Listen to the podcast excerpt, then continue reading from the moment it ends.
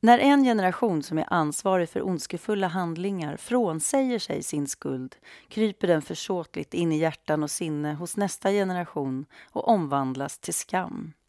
I sig en ondskefull handling eftersom den orättvist dömer de efterlevande till att bära bördan av brott som de inte själva har begått. Så kryper skammen in i nästa generation och antar nya former, likt en kameleont om inte någon bryter detta påbud och ser sig om.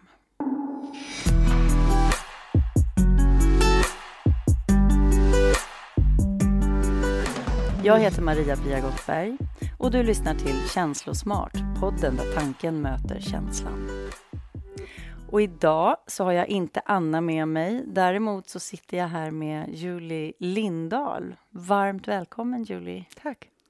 Jättespännande att ha dig här. Och jag tänker att innan jag släpper fram dig ordentligt här så tänkte jag berätta lite för lyssnarna kort varför jag så gärna ville ha dig med i podden. Det började egentligen med att jag såg dig på SVTs litteraturprogram Babel, ett avsnitt där. Och jag blev väldigt nyfiken. Du berättade då om din bok Pendeln som handlar om hur du har verkligen grävt i din familjs historia för du mm. upptäckte att din mormor och morfar var nazister. Och ganska aktiva sådana också. Och du pratade om den här eh, att de inte har tagit sitt ansvar och att det blir en, en, en skam som förs vidare i generationer och att du ville sätta stopp för det här. Och det där intresserade mig så mycket. Och sen så hade vi ju, eller jag hade turen att hamna bredvid dig på Norstedts förlagsmiddag på Bokmässan. Mm. Så vi är ju då förlagskollegor. och eh, där tog jag förstås upp och frågade om du ville komma till eh, podden. För det som jag är nyfiken på, det är det här med skammen i familjen och vad som händer när vi upptäcker en hemlighet och hur vi kan härbärgera det, hur vi kan eh, bryta det som jag tänker är mycket av det som du har gjort. Mm. Um, du har haft ett enormt mod som har vågat göra det här, som har vågat skriva den här boken. Du ska snart få berätta om den för lyssnarna. Du har gått emot din familj. Um, du har gjort saker som väldigt många tror jag skulle kalla som någonting oerhört modigt. Så det är jag nyfiken på och jag är också väldigt nyfiken på din relation till din mormor. Så vi har lite att prata om. och eh, vill du börja med att presentera dig själv? Vem är du och vad gör du? Och... Mm. Mm. Um, ja, jag är en person som är uppvuxen i många olika länder. Eh, så i tio olika länder eh, på tre kontinenter. Det finns ingen i min ursprungliga familj som är född i samma land. Eh, jag började mitt liv på portugisiska för att mina föräldrar kunde inte prata varandras språk. Min mor tysk och min pappa amerikan. Um, och uh, jag är alltså född i Brasilien. Um, och eh, sen vid någon tidpunkt, eh, alltså jag, fort, jag, jag blev konsult inom bistånd för att jag trodde att livet eh, består av att resa hela tiden och egentligen vara eh, rotlös, alltså att eh, inte bry sig om sånt. Eh, men eh, det går inte att leva så där. Och när jag var så 29 år gammal så var jag totalt utbränd. Eh, jag hade inga rötter någonstans ehm, och kände mig verkligen lost. Och eh, ehm, så träffade jag en snäll svensk man i Sri Lanka där jag jobbade i krigszonen där och eh, som till slut så övertygade mig att Sverige var ett fantastiskt fint land att, att bo i. och så bjöd han mig in hit uh, i maj, som var också väldigt klokt. Ja. uh, och, och så fick vi tvillingar och valde sen jag hade bara en känsla av att jag måste sätta ner mina rötter någonstans och låta dem växa ordentligt. Så att då um, övertygade jag min man att vi skulle prova leva ute på en liten ö ute i Mälaren som egentligen hans familjs gammal eh, sommarställe. Men det är inget ställe som de flesta människor skulle fundera på att, att eh, leva genom hela vintern. Men vi älskade det och gjorde det i nio år.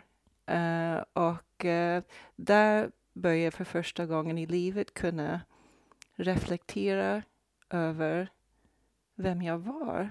Det är intressant att så fort som du låter rötter växa så börjar du fundera på de här rötterna. Vad, vem är jag? Eh, uh, var har jag fått mina idéer ifrån? Var har jag fått min världsbild ifrån? Jag började ifrågasätta en massa saker, vilket jag var inte uppfostrad till att göra.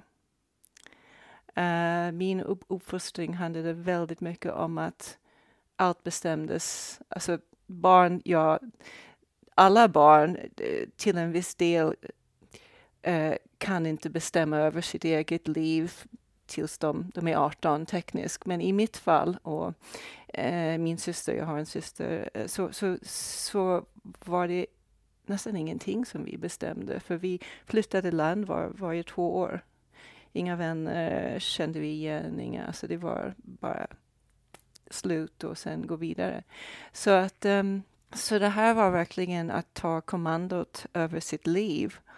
Och med det så kom det ett massa funderingar över allt som jag hade upplevt med min, med min mors familj. Och någonstans så visste jag att det fanns en mörk bakgrund. Uh, men um, jag anade inte hur mörk. Hur, hur, visste du att det fanns en mörk bakgrund? Alltså. Uh, alltså det, fanns, det fanns olika faktorer. Uh, det är svårt att veta när man uh, i en sån familj börjar känna skammen. Jag tror att barnen känner av det ganska fort av sina föräldrar. I, I mitt fall var det min mor som betedde sig på ett sätt som var svårt att förstå utan att, utan att någonting hade hänt henne tidigt i livet. Hon var ständigt arg och eftersom hon inte kunde bli arg på sina föräldrar, eller hon kunde bli arg på sin mor men inte sin far. Pappan var uh, en människa som var som en gud. Mm. Han var, han var, man kunde inte alls röra på hans Alltså han dog 1976, så han dog ganska tidigt i mitt liv. Men, men man kunde inte ens nämna honom utan att hon reagerade med att skrika och, och bli. Liksom, det var någonting som man inte fick beröra. Och sen så bär hon på den här indignation som eftersom hon inte kunde rikta den mot den personen som hade verkligen orsakat hennes smärta så vände hon allt det här mot sina barn.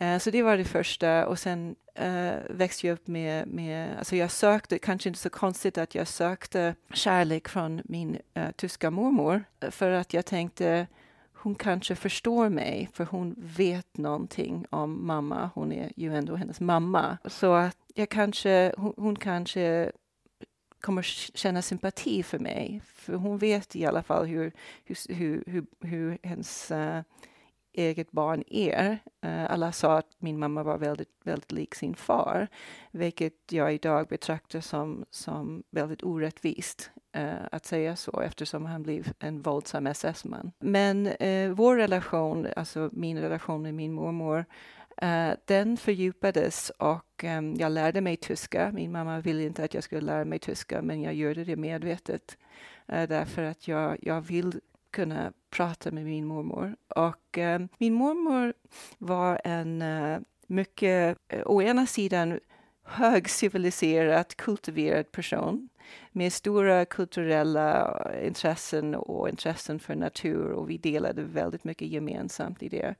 Samtidigt som hon var, hon var en väldigt bar barbarisk person som kunde slänga ur sig saker som, som handikappade människor eh, ska inte fortsätta leva, de, ska, de, de mår själva inte bra av att fortsätta leva och sådana väldigt, väldigt hårda saker som jag inte kunde förstå. Uh, alltså jag tänkte, för, hur... för mot dig, ni hade en, en varm och kärleksfull vi relation. Vi hade en väldigt, alltså det kunde jag inte förstå. Hur mm. kunde hon kunde hon slänga ur sig sådana saker samtidigt som hon kunde stryka mitt hand och, och, och krama mig och, och vara en väldigt varm person. Det, det gick inte ihop. Uh, sen vid någon tidpunkt när jag var någonstans där i tidigt 20-årsåldern så försökte hon övertyga mig att förintelsen uh, inte hade skett. Att det här var en eh, um, slags um, Eh, komplott eh, eh, av världsmedien för att hålla tyskarna nere. Och, och, jag visste naturligtvis att det, var, att det, det, det, att det inte var sant. Och men jag sa ingenting och jag sa ingenting därför att jag hade en känsla någonstans att det här var väldigt allvarligt för henne. Och om jag gick emot henne där så skulle hon, skulle hon inte älska mig. Mm. Uh, och för mig var det här som en som överlevnad. Jag hade lärt mig som att barn måste ha någon kärlek för att överleva känslomässigt överleva. Det är, ett, det är en överlevande strategi. Uh, och det är inte för att ursäkta mig själv, jag var ju inget barn längre, jag var ju över, över 18 år. Men, men samtidigt så var jag ett barn i det momentet igen och mm. kände direkt att om jag ifrågasätter henne här så kommer hon att um, avbryta vår relation eller hon kommer hon kommer aldrig att älska mig igen. Och det visade sig senare, mycket, mycket senare, uh, att när jag tog upp det här och, um, och ifrågasatt hennes um, åsikter så, så, så var vår relation slut. Mm. Men, slut. men då kan man säga att redan där, men då visste du egentligen inte din familjehistoria. Nej, men jag anade. detaljer, du anade så ja. Mm. Och min far, eh, sen så, du, för att, för att avsluta mitt långa, långa svar på din ursprungliga fråga, så kom min far på besök när jag pluggade tysk-polska relationer på 2000-talet i Oxford. Och jag valde, jag valde inte det, jag trodde inte att jag hade valt det medvetet, men, men någonstans i, i min undermedvetna så pågick det någonting som sa det här är någonting som du måste veta mer om. Uh, min far kom på besök och um, då tänkte jag, men han är nog amerikan, alltså han hade ingenting med det här tyska kriget att göra och ja, men, han var på rätt sida. Jag kan fråga honom om morfar, vilket jag gjorde och eh, han det var ett helt oväntat, för mig ganska chockerande reaktion som, som min annars ganska mjuk och, och, och snäll far hade, vilket, vilket var att han förbjöd mig från att någonsin ställa en sån fråga igen. Så jag avslutade mina studier. Jag, jag, jag, skulle gå vidare och göra ett doktorsarbete och jag gjorde inte det. För jag, jag, vill inte uppleva, jag vill inte uppleva det hos honom igen. Jag vill mm. inte, jag vill, jag vill, jag respekterade min far väldigt mycket och jag vill inte se, jag vill inte göra honom ledsen. Så enkelt var det. Mm. Mm. Och ändå, vad, vad, var det som gjorde att du började skriva boken Pendeln? Då hade du under många år forskat kring din familjs historia och sakta men säkert fått reda på mer och mer. Och vad var det som mm. gjorde att du att det blev så? Och vad ville du? Mm. Vad vill du med den här boken? Alltså det finns två olika steg här. Att, att uh, börja forska och sen börja skriva en bok som sen ska publiceras i två olika, helt olika steg. Och eh, åtminstone för mig det här, för det, jag började inte min forskning med avsikten att skriva en bok. Ut, utan jag, jag började den därför att det krisade i min gamla familj. Min, min far hade uh, gått bort och uh, på ett sätt som visade att det var någonting som var så tung att, att um, han blev sjuk. Uh, alltså han, han, han, han, blev, han, han blev, uh, fick uh, väldigt aggressiv cancer. Och, men, men det var någonting i, i hela tonen med det här som, som var att det var så mycket som var osagt. Uh, och min far var annars en ganska uppriktig man som, som var ärlig och, uh, och så. Men i det här området kunde han inte vara sig själv. Mm. Och det krockade, det här krockade med hans verkliga, vem, den som han verkligen var. Mm. Och jag tror att det här gjorde, gjorde att han, han började dricka väldigt mycket. Eh, vilket också bidrog till att han blev jättesjuk. Så jag såg det här och sen så när han gick, gick bort så förvärrades min relation till min mor som egentligen aldrig var bra. Men, men det gick kaputt i stort sett. Och, ehm, och jag tittade på min ursprungliga familj, hade då två små barn själv, mamma till typ två små barn. Jag tänkte om jag inte börjar försöka på, på ett allvarligt sätt förstå vad som har hänt här så finns det en fara att jag kommer upprepa liknande mönster i min egen familj. Och det, det tillåter jag inte. Det här kommer inte att upprepa sig i min familj. Eller jag var inte så säker. Och det är därför att jag tänkte jag måste göra någonting. Uh, jag, det får inte ske. Uh, för för, för det, det, här, den här barndomen den var otroligt smärtsam. Uh, alltså jag håller på med en bok nu som, där jag beskriver en figur som har en liknande upplevelse. Och uh, så då började jag, då åkte jag till Bundesarkivet. Jag fick en depression någonstans emellan och eh, visste inte vad jag skulle göra och sen, sen, eh, sen kom jag på att det är nog bara att åka ner till Bundesarkivet och, och sätta igång. Jag var ju också utbildad till det här, så jag visste vad jag skulle göra. Och eh, ja, men då hittade jag en massa papper där och det gick så det pågick sex, sex, år, sex års forskning och nu är, det, nu är det tio år som jag arbetar med det här. Men boken, um, alltså jag, jag, jag skriver eh, uh, skriveri är nödvändigt för mig som ett, som ett uh, överlevnadsverktyg. Um, uh, jag, jag måste skriva.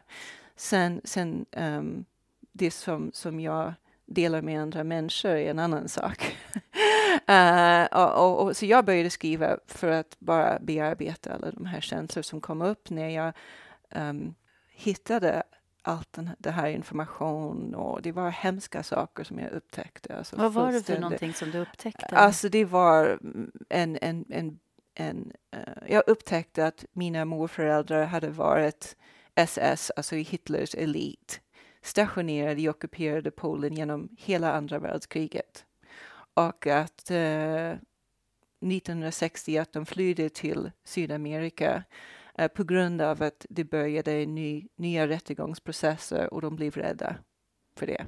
Och så gömde de sig i, i innersta Brasilien. Men jag träffade överlevande och ögonvittnen i Polen och, och i, i, Tyskland också. Och det var, det var verkligen hjärtkärande för att, för att lyssna på dem, för att det var en bild av en, en verkligen fanatisk SS-man. Din ja, morfar? Ja. Mm. Mm. Så en mycket våldsam person. Eh, inte bara ut, utanför sin familj mot andra, men också inom familjen. Uh, och det är någonting som, är, som man diskuterar mindre. Att, uh, alltså det finns det, bilden av SS-män eh, uh, är mest att ja, hur kunde de vara så, så hemskt och våldsamma mot andra och mörda andra och oskyldiga människor och sen komma hem till sina familjer och le och vara snäll mot sina barn. Så var det faktiskt inte i alla familjer. De kom inte alla hem och, och, och var snäll mot, mot sina familjer. familjer. Uh, uh, det, det är bara en mytos som, mm. som har byggts upp. Utan i, i den här familjen så, så alltså, han valdtog sin egen fru. Efter kriget valdtog han sin egen dotter, inte min mor. Men alltså, det var, det var hemskt. Men ändå försökte de skydda honom. Och det är också en vanlig reaktion mm. hos barn och kvinnor som när de har blivit våldtagna eller våld har begåtts mot dem så skyddar de mannen som har, i familjen som har gjort det här. Det här är ett vanligt förekommande beteende. Mm. Um, men tillbaka till, uh, till, till, till boken så jag skrev ner en hel del och, och um, sen så visste några av mina vänner att jag höll på. En, en av dem sa till mig, men tryck, tryck då tio kopior och ge dem till dina vänner.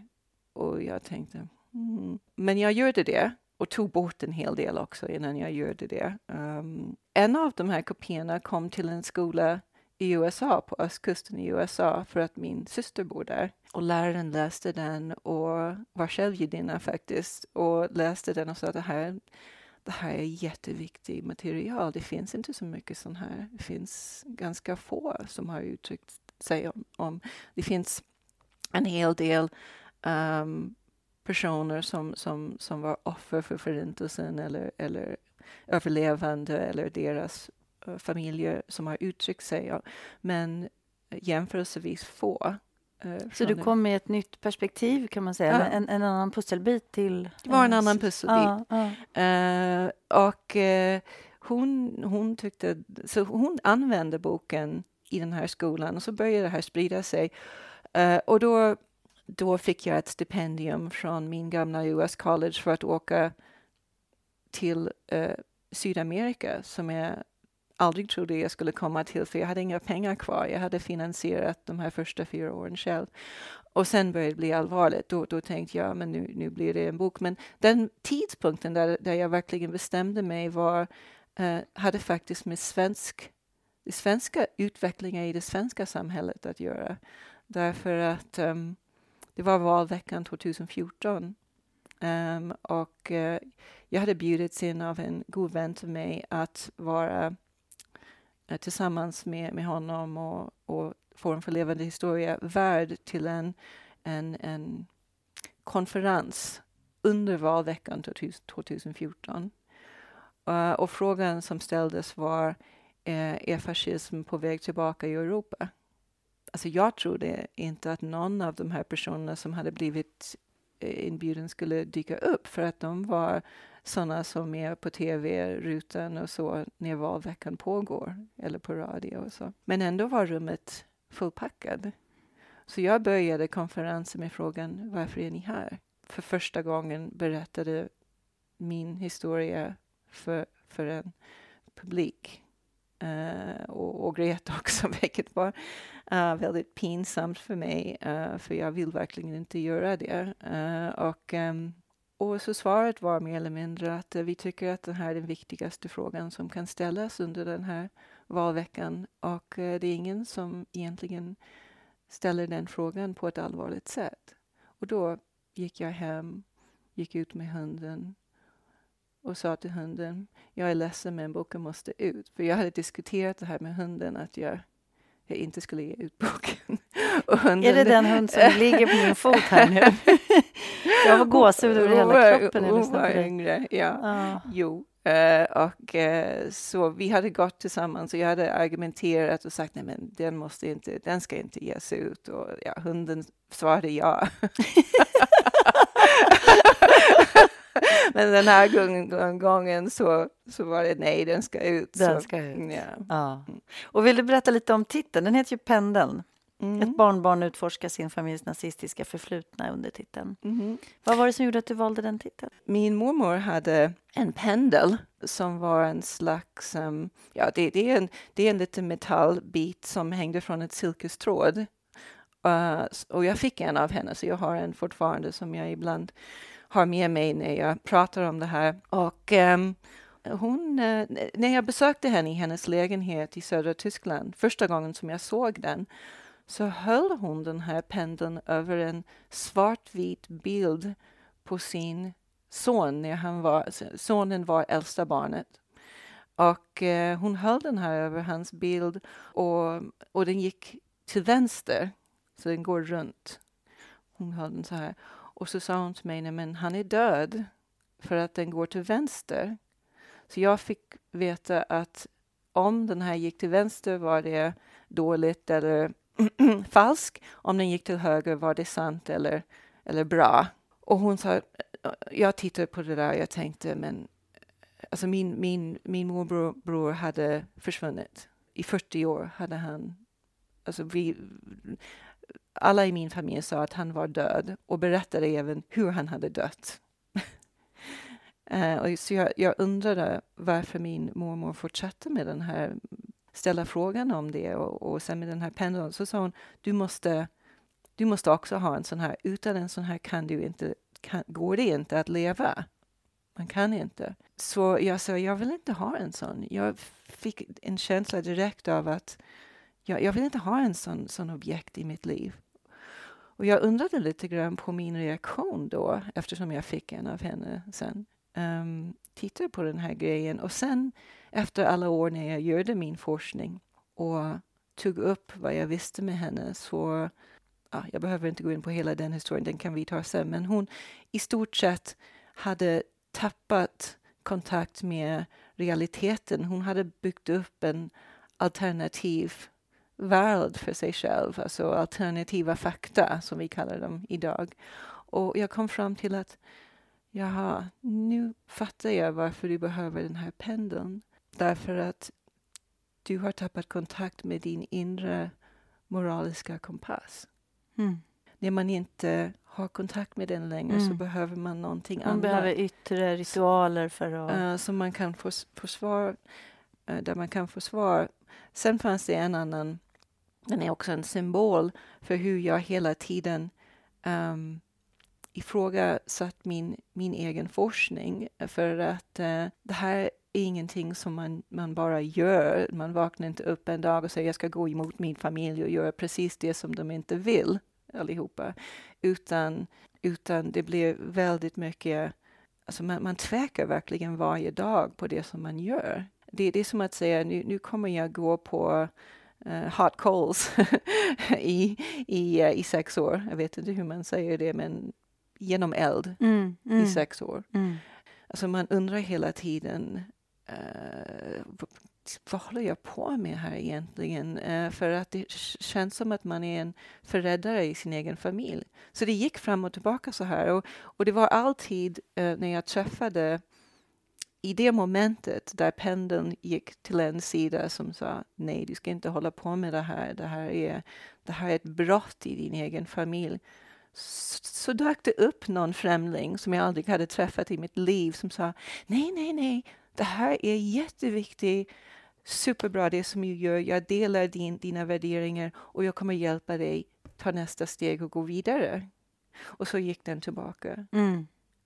Ja, och det, jag har ju läst boken. Den är ju, det, jag tänker också på titeln där som alltså en pendel i tiden, i vår, i vår tid, svunnen tid och framtid. Mm. Alltså att det svänger hur vi ja, våra värderingar, hur vi, vi, vi, kanske kommer upp och så får lever det gott, har det bra och så händer någonting och så, så måste man ha en fiende och så pendlar man liksom ner. Ja. Vi, vi slutar vara empatiska, medmänskliga och, och, och liksom goda människor och backar till det här som, som, som också är det här temat med ondska och, eller ondskefulla handlingar och så vidare. Mm. Så det är mm. också en...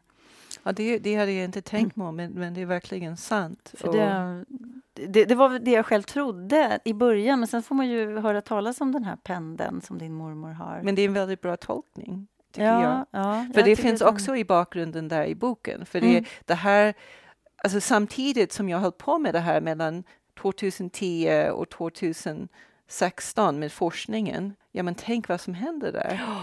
Hela världen förändrades. Ja, verkligen. Uh, Brexit, Trump, mm. uh, extrema högern i Europa.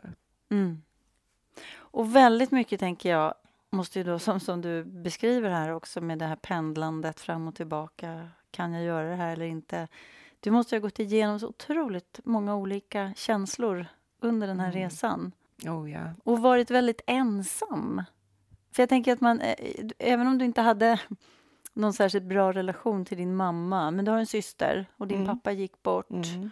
Och din mormor levde ju väldigt länge, hon blev Hund, över Nästan 103. Nästan, ja, nästan 103. Ja. Ja. Jag tänker, det, de var ju inte med dig på den här resan. De kunde inte De vara. kunde inte, nej. Nej. nej. Min syster kunde inte därför att uh, hon hade tre små barn mm. och ett liv i USA, men också att um, hennes liv uh, blev också väldigt påverkad av den här uh, tyngden av den här hemligheten. Så hon, hon mådde väldigt dåligt.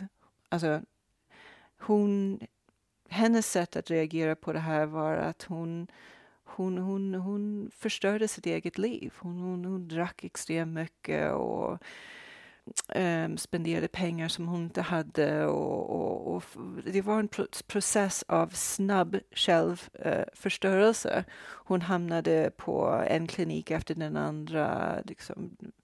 Alltså det var eh, hon befann sig i en, en all, allvarlig kris. Sen kan man säga ja, ja, men man måste också någonstans ta ansvar för sitt eget liv.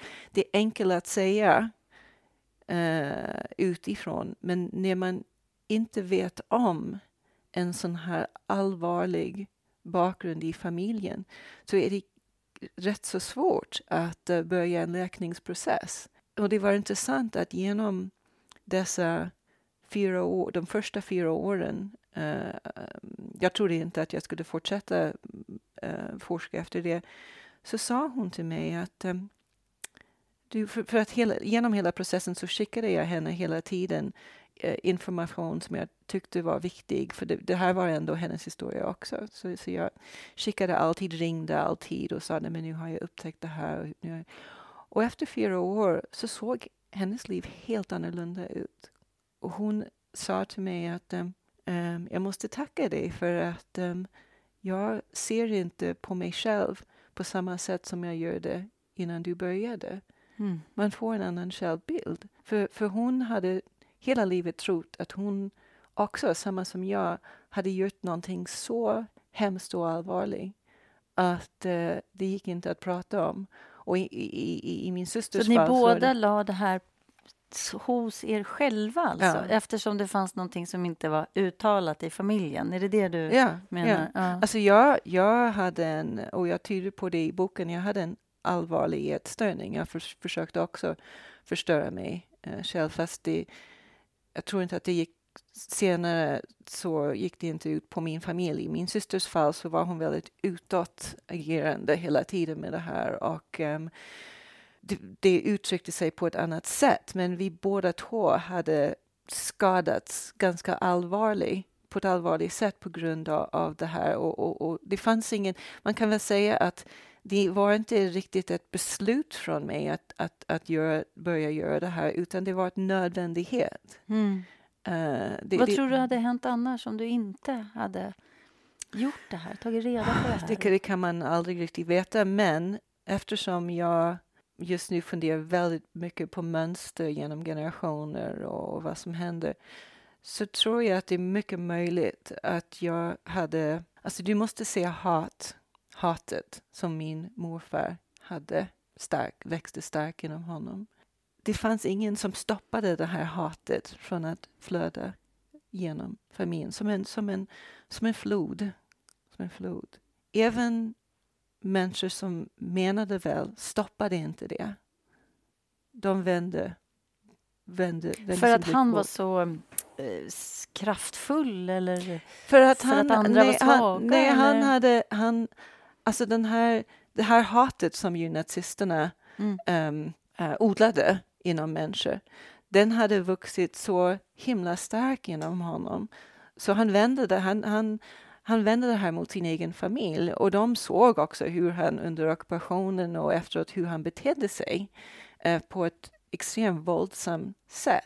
Så man ser man, man såg det här och, eh, och, och, och, jag tror att det som, som hände var att det här hatet, den, eh, om ingen i familjen säger stopp, nu, nu slutar det här hatet här på grund av att jag kallar det hat som kom ifrån uppstod där. Mm. Jag vet hur det här hatet uppstod. Och jag gillar inte att säga att en människa är ond. Jag gillar att prata om hat som en negativ energi som flödar genom människor och generationer. För jag tror att det är det som sker. Uh, för det är ingen människa som är ond. Det är den här ondskan som på något sätt... Och, och i min mors fall så... så alltså hon, hon kunde inte vända sin, sina... Alltså det här hatet kom till henne också. Men istället för att sen säga stopp och säga jag vet att du, far, är orsaken till att jag känner det här inom mig och vill inte ha den inom mig. Och jag säger nej till det här. Och du är ansvarig för det. Eftersom hon inte gör det, så kom hatet till oss. Mm. Jag kände av det det är hat. Och att känna av hat från sin egen förälder är så fruktansvärt. Har du också varit mm. i kontakt med det här hatet inom ja, dig själv? Absolut. Att du själv har känt hat gentemot... Yes! Mm. Ja, och det är därför att mm. eftersom jag anade det här, det här Ja, sen är det svårt att säga vad är hat. Det är en intressant fråga. Mm. Men, men, men uh, jag, jag kände det här att om jag inte sen vänd, säger stopp och säger jag känner det här på grund av det som du mor gjorde mot mig. Som, och du känner så på grund av det som din far gjorde mot dig eller dina föräldrar. I, i hennes fall var det båda föräldrar gjorde mot dig. Då kommer jag att ta det här hatet och vända det mot mina barn mm. och andra människor mm. i min omgivning.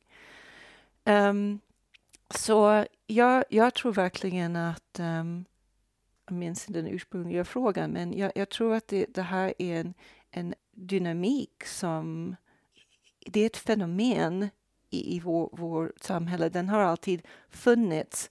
Uh, tänk efter hur många generationer av, av män har slagit sina barn som sen slår sina söner mm. och så mm, vidare. Mm. Och då mm. så går det vidare och vidare. Och, och så, så, så, så upplever vi mannens våld. Och varför gör vi det? Ja, det här är ganska uppenbart. Men jag, det som är intressant i, i den här berättelsen är kanske hur kvinnorna spelar med mm. i det här.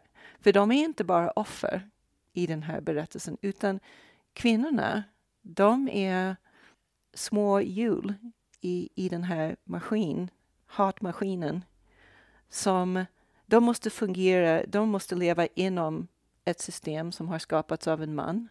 Men, men de vill inte säga nej, vi, vi går inte runt längre på grund av att den här mannen säger att vi måste göra det, utan de spelar med. Mm, de, de hade ju inte det som, som, som du har och, och hade här, för du hade ju det här modet att peka ut, att sätta stopp, dra den här gränsen.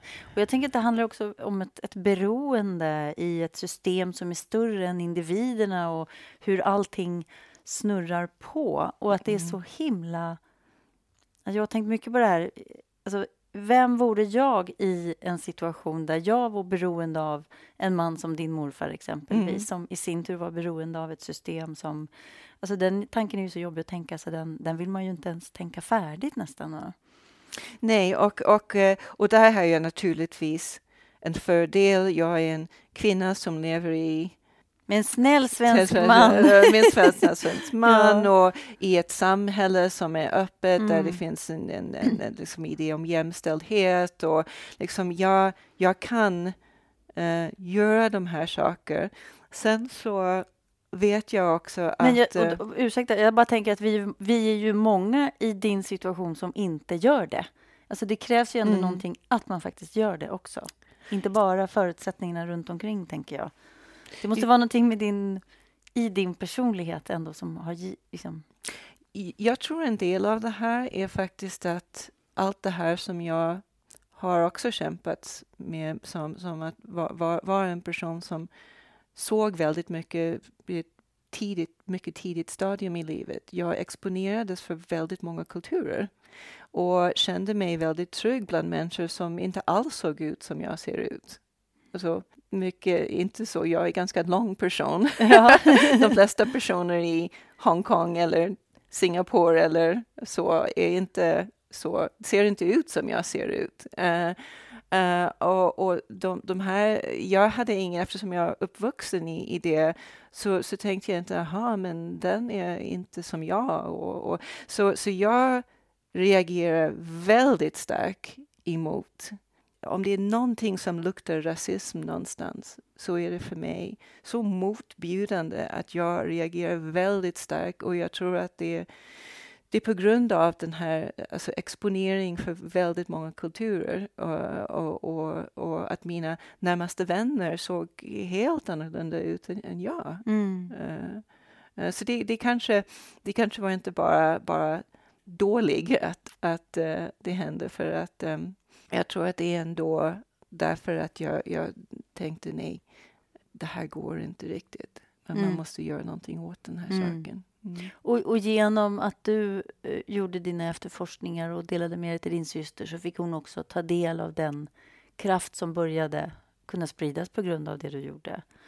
Jag tänker också på din relation till din mormor. Jag tycker det finns mycket i, i våra yttre liv om man tittar på som är ganska lika sådär. Vi är ungefär lika gamla, vi bor i, i Stockholmsregionen, vi båda skriver böcker och har barn och sådana saker. Och vi har båda haft eh, en mormor som vi har haft en väldigt nära mm. och viktig relation till. Mm. Så jag är väldigt nyfiken på den här relationen till din mormor. Vad, vad hände under resans gång? Du var inne på det lite grann där, att du var rädd från början, att du visste att, att kärleken skulle ta slut och du behövde hennes kärlek och hennes närvaro i ditt liv. Mm. Hur, hur har det varit under resan att, att dela med det faktum att hon var den hon var, eller gjorde det hon gjorde snarare? Mm. Ja, alltså hon... Um, vi kanske ska först berätta vad hon gjorde, för att hon, mm. uh, hon, hon blev en... Um,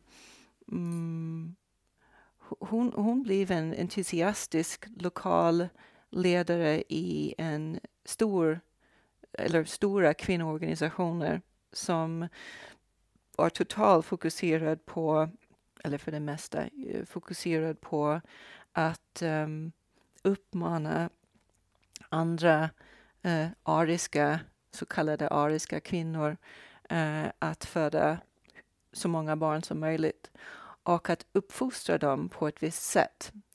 Och de här uppfostringsmetoder som var egentligen metoder som, som hade funnits i en väldigt sträng Wilhelmins samhälle men som nazisterna spetsade till med speciell, speciellt uh, sadistiska metoder. Um, det, det, var det som hon uh, sysslade med. Och um, jag håller på just nu med, med effekterna av de här metoderna genom generationer. Som det har kommit ny forskning ut om det. Eller det är inte ens ny forskning, men ingen har vågat publicera det i Tyskland för det är så känsligt. Uh, så hon, hon var väldigt engagerad i det här och var lika eh, ambitiös och, och, man kan säga girig som min morfar att eh, bli stormarkägare. Så hon var, hon var en väldigt övertygad SS-fru. Eh, hon satt inte bara åt sidan och var en passiv offer. Å andra sidan var hon också offer för min morfars våld. Eh, och när jag träffade överlevande så tyckte jag att det var väldigt, väldigt märkligt att nästan, eller um, flera av dem kom ihåg och tyckte väldigt synd om min morfars familj, vilket jag tyckte var väldigt intressant eftersom hela deras familj utsatts för hemskt våld och, och men ändå så kom de ihåg hur hela familjen skakade när han, när han kom och var i deras närhet. Mm, det såg de, trots att de var så utsatta själva. Ja. Så att hon... Um, och när, när jag, hon, det var inte så att hon aldrig pratade om ockupationen. Hon pratade om det, men hon, hon förnekade för mig att de var SS. Hon, mm. hon, hon ljög, helt enkelt och skapade en bild som verkligen var om en, en, en eh, jätte, ett jättevackert liv och ingen förstår liksom hur fint det blev där eh, under den tyska ockupationen och, och allting. Um, så för mig, för mig att um, successivt se den här bilden som hon hade målat för mig brytas ner genom min egen forskning när jag hela tiden också besökte henne och kunde inte berätta för henne vad jag höll på med. Annars hade hon satt stopp för det och alla andra i familjen för den delen. Mm. Jag hade inte kunnat göra det här arbetet. Alltså jag, jag, jag mådde väldigt dåligt av det. Uh, att att, uh, att success, su successivt med varje ny informationsbit förstå att det är inte bara att hon ljuger för mig, det är också att hon um, det är en slags brutalitet som man känner utav det här. Att hon gör någonting brutalt mot mig, även om hon, inte slår mig eller någonting. Mm. Ge, ge, genom att um, bara rent av förneka saker som ett fakta, faktum. Mm. Och det var på slutet där, ni, ni, in, alltså det, hon var över hundra år gammal och jag hade tillräckligt med information för att um, ta upp det här med henne och uh, min man uppmanade mig verkligen och sa det är bättre, det är viktigt för dig att, att ta upp det här med henne. Därför att om du inte gör det så gör du samma sak mot henne som hon har gjort mot dig, vilket är att ljuga. Och det vill du inte. Det här är viktigare för dig än för henne, för du kommer inte ändra hennes åsikter. Hon är för gammal nu. Men jag tänkte ändå någonstans att hon hade haft mar mardrömmar, lidit av depressioner i 30 år efter, eller hela tiden efter kriget. Och jag tänkte någonstans kanske skulle det vara skönt för henne med barnbarnet som har stått henne närmast. Att bara sitta i lugn och ro och erkänna. Och bli av med den här stora lögnen. Mm. Inte behöva dö med den. Och jag hoppades innerligt verkligen att jag skulle kunna, vi skulle kunna tillsammans erkänna det här. Men hon tog inte ch chansen. Hon tog inte chansen. Hon, hon, hon, uh, hon um, försvarade allt. Mm. Och sen efter det, så några dagar efter, ringde jag för att se om hur hon mådde. För jag visste att det här var, alltså det, det här var att bryta alla regler i vår familj. Mm. Och då anklagade hon mig för att ha varit uh, orsakat det största problemet i familjen, vilket var att jag hade släppt in dåliga gener för att min man hade tre handikappade syskon som alla dog av sina sjukdomar. Mm. Och efter det så kände jag att jag kan inte rädda mig. Jag räddade dig. Jag kan inte rädda dig. Jag kan bara rädda mig själv och min egen familj eller min systers kanske. Och jag tror inte att det finns mer att säga för jag, jag vill inte att alla... Du, du sa det till henne? Eller Nej, jag sa det till, till mig själv. själv. Mm. Att jag vill inte att alla dessa vackra år som vi hade tillsammans mm förstörs av mer av det här. Det är bättre att vi slutar nu. Så pratar jag aldrig mer med henne. Uh, och um, man kan säga, men hur kunde du göra så? Ja, hur kunde jag göra så? Um, det var det var verkligen för jag trodde att, um, och, och, och, a, a, som jag sa, att, att det, det kunde kanske hjälpa henne att ha ett bättre, ja, säger man a better death, bättre död? Ja, ett bättre avslut. Än, bättre avslut. Det var, kändes som att du ville ge henne en, en gåva, som jag tolkar dig. Att, jag vill ge henne en gåva en samtidigt som jag vill um, vara uppriktig. Mm. Men, Men har, du, har du någonstans kommit till någon slags försoning med med henne eller något slags avslut för, för, för dig själv, tänker jag. Eller? Mm. Det, och det är där som att skriva en bok spelar en roll. Mm. Därför att den ursprungliga slut... slut uh, inte slutkapiteln i boken, men kapiteln där jag uh, beskriver uh, min reaktion när hon är döende. Så. den, um, den ursprungliga skrev jag, skrev jag den med med väldigt mycket... Alltså jag var så arg på henne att jag skrev någonting som var, ja men det är lika väl att du dör. Alltså jag var så arg på henne att hon inte tog chansen. Att hon, hon inte, för jag visste, men gud, du är, du är en intelligent kvinna som kan älska hur kan du missa den här chansen att göra det här med mig? Så jag var otroligt arg på henne och skrev den kapiteln på det sättet. Och sen um, uh, sen grät jag väldigt mycket över det som jag skrivit och uh, skrev om den igen.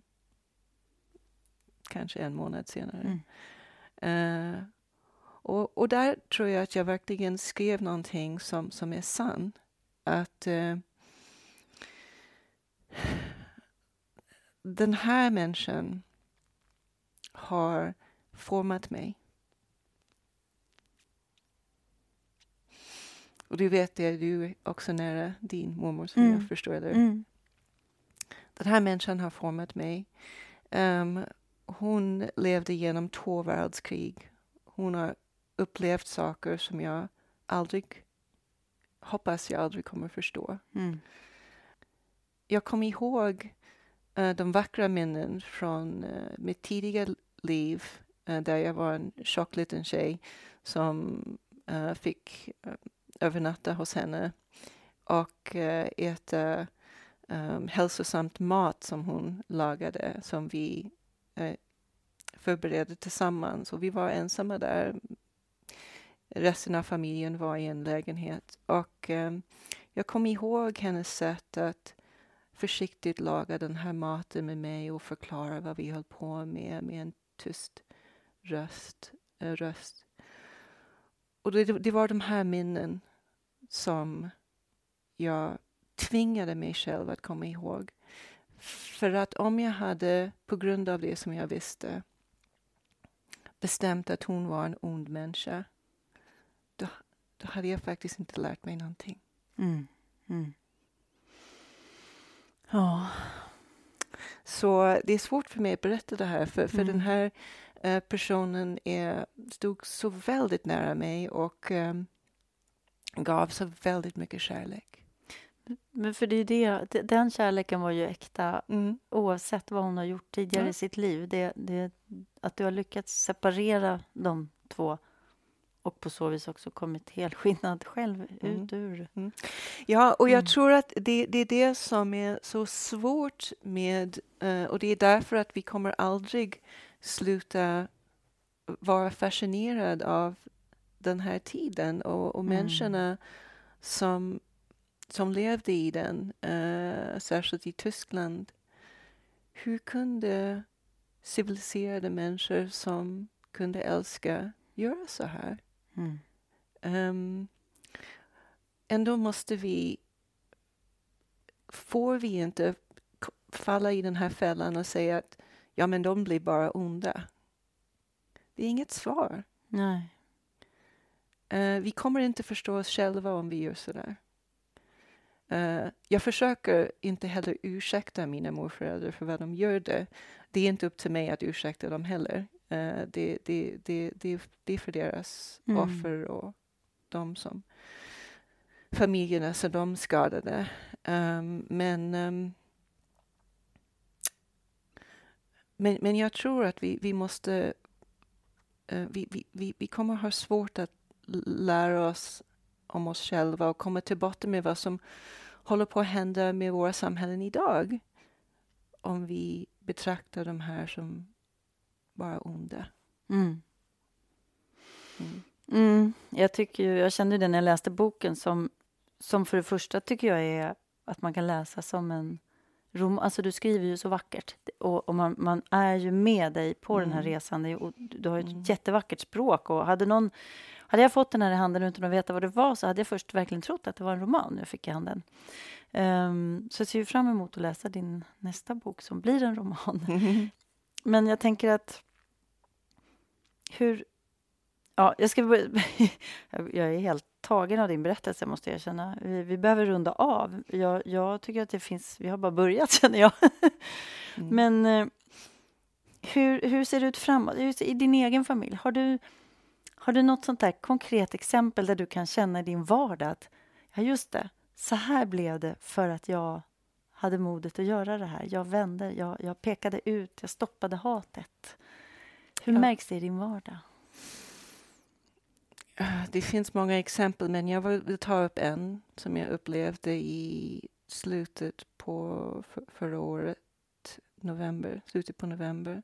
Jag hade många uppdrag förra året när, efter boken kom ut uh, och bjöds in av flera folkhögskolor i Sverige och det finns uh, många ny, nyanlända eh, som, som, som finns på folkhögskolor och eh, jag tycker det är fantastiskt att Sveriges folkhögskolor har blivit återigen bärare av Sveriges demokrati.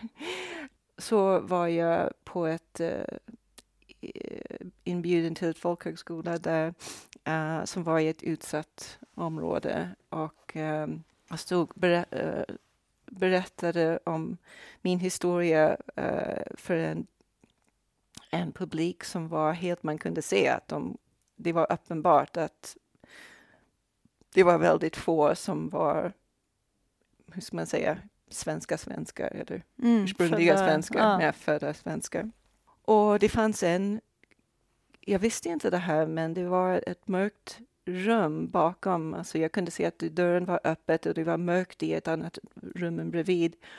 Uh, men tänkte inte så mycket på det. Och efteråt när det blev frågor, uh, alltså de här hade läst pendeln som, som alltså de, det, var, de var required reading. Alltså.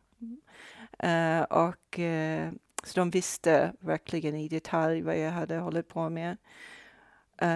och vissa hade faktiskt gått hem till sina familjer och börjat ställa frågor om vad deras familjer hade upplevt därför att det är klart att de befinner sig um, i samma situation som min familj många gånger. Att det går inte att prata om vad som hände under kriget till deras familjer. Men ändå känner av de här personerna som kanske kom hit som barn eller, eller kanske även föds här. Uh, uh, uh, att de känner av att det, att det är någonting som är osagt, som är väldigt, väldigt tung och kanske har dynamiken i relationerna blivit konstig eller svår eller smärtsamt. Uh, och det påverkar dem väldigt mycket. Så de, en del av dem gick hem och började ställa frågor i sina egna familjer, vilket i auktoritära samhällen som vissa av dem kom ifrån är väldigt stort att, att göra så. Mm. Det kräver mod, särskilt för kvinnor. Mm. Uh, och en av dem hade faktiskt uh, kommit så långt att han hade börjat skriva ner sin familjs historia. Uh, och på slutet av den här frågestunden så är det en, från den här mörka rummen så pekar en, en kvinna ut sitt huvud. Det satt en kvinna där inne hela tiden som jag inte visste om. Eller hon pekade inte ut den, hon, bara, hon var i mörkret men hon, hon vill ställa en fråga. Hon vill vara med. Uh, och uh, hon ställde sin fråga som var mycket välformulerad.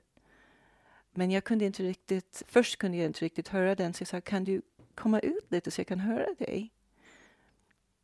Och så, så gjorde hon så här, liksom ut med huvudet lite grann men snabbt tillbaka in i mörkret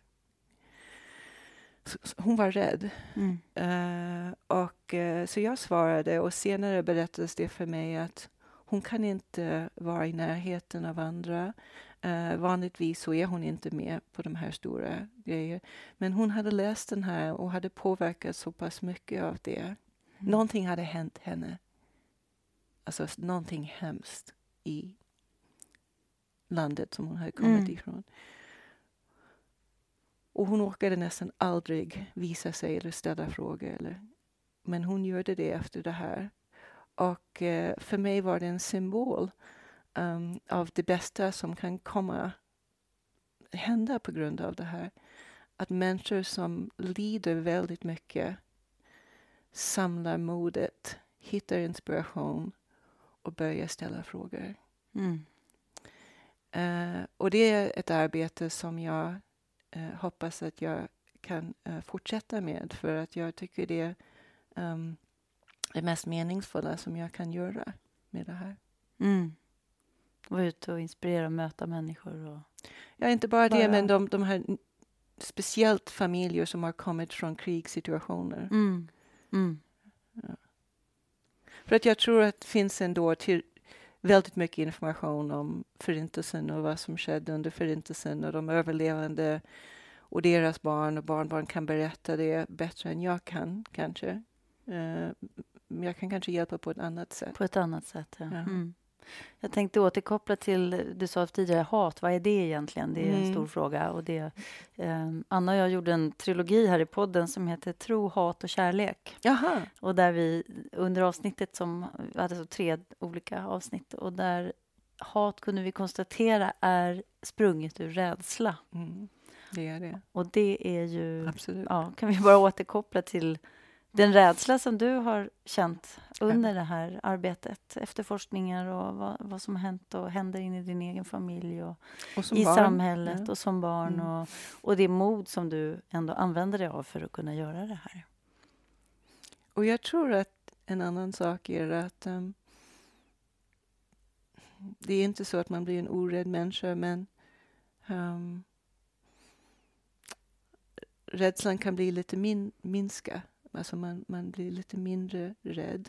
Uh, sen så tror jag att det var Hedi Frid som sa till mig um, någon gång att um, där det finns mod finns det rädsla. Så de är, de är mm. två sidor av samma mynt. Mm. Uh, Man måste vara rädd för att vara modig. Ja. Mm. Precis. Hon har ju också skrivit, det står ju på omslaget i din bok här, en stark bok om mm. ondska och godhet. Jag kunde inte sluta läsa. Ja. Mm. Hon, hon har varit ett oerhört stöd i den här processen. Mm. Som många, eh, eller många, flera andra överlevande. Eh, så jag, jag, tycker att det är oerhört um, snäll av dem att de vill stödja mig i det som jag höll på med. Mm. Mm. Ja, jag kan bara varmt rekommendera om alla som lyssnar och som ännu inte har läst Pendeln med Julie Lindahl, gör det. En oerhört viktig och stark bok. Både att eh, ta till sig som människa eh, på individnivå, men också som samhällsvarelse. Stort tack för att du ville vara med. Tack.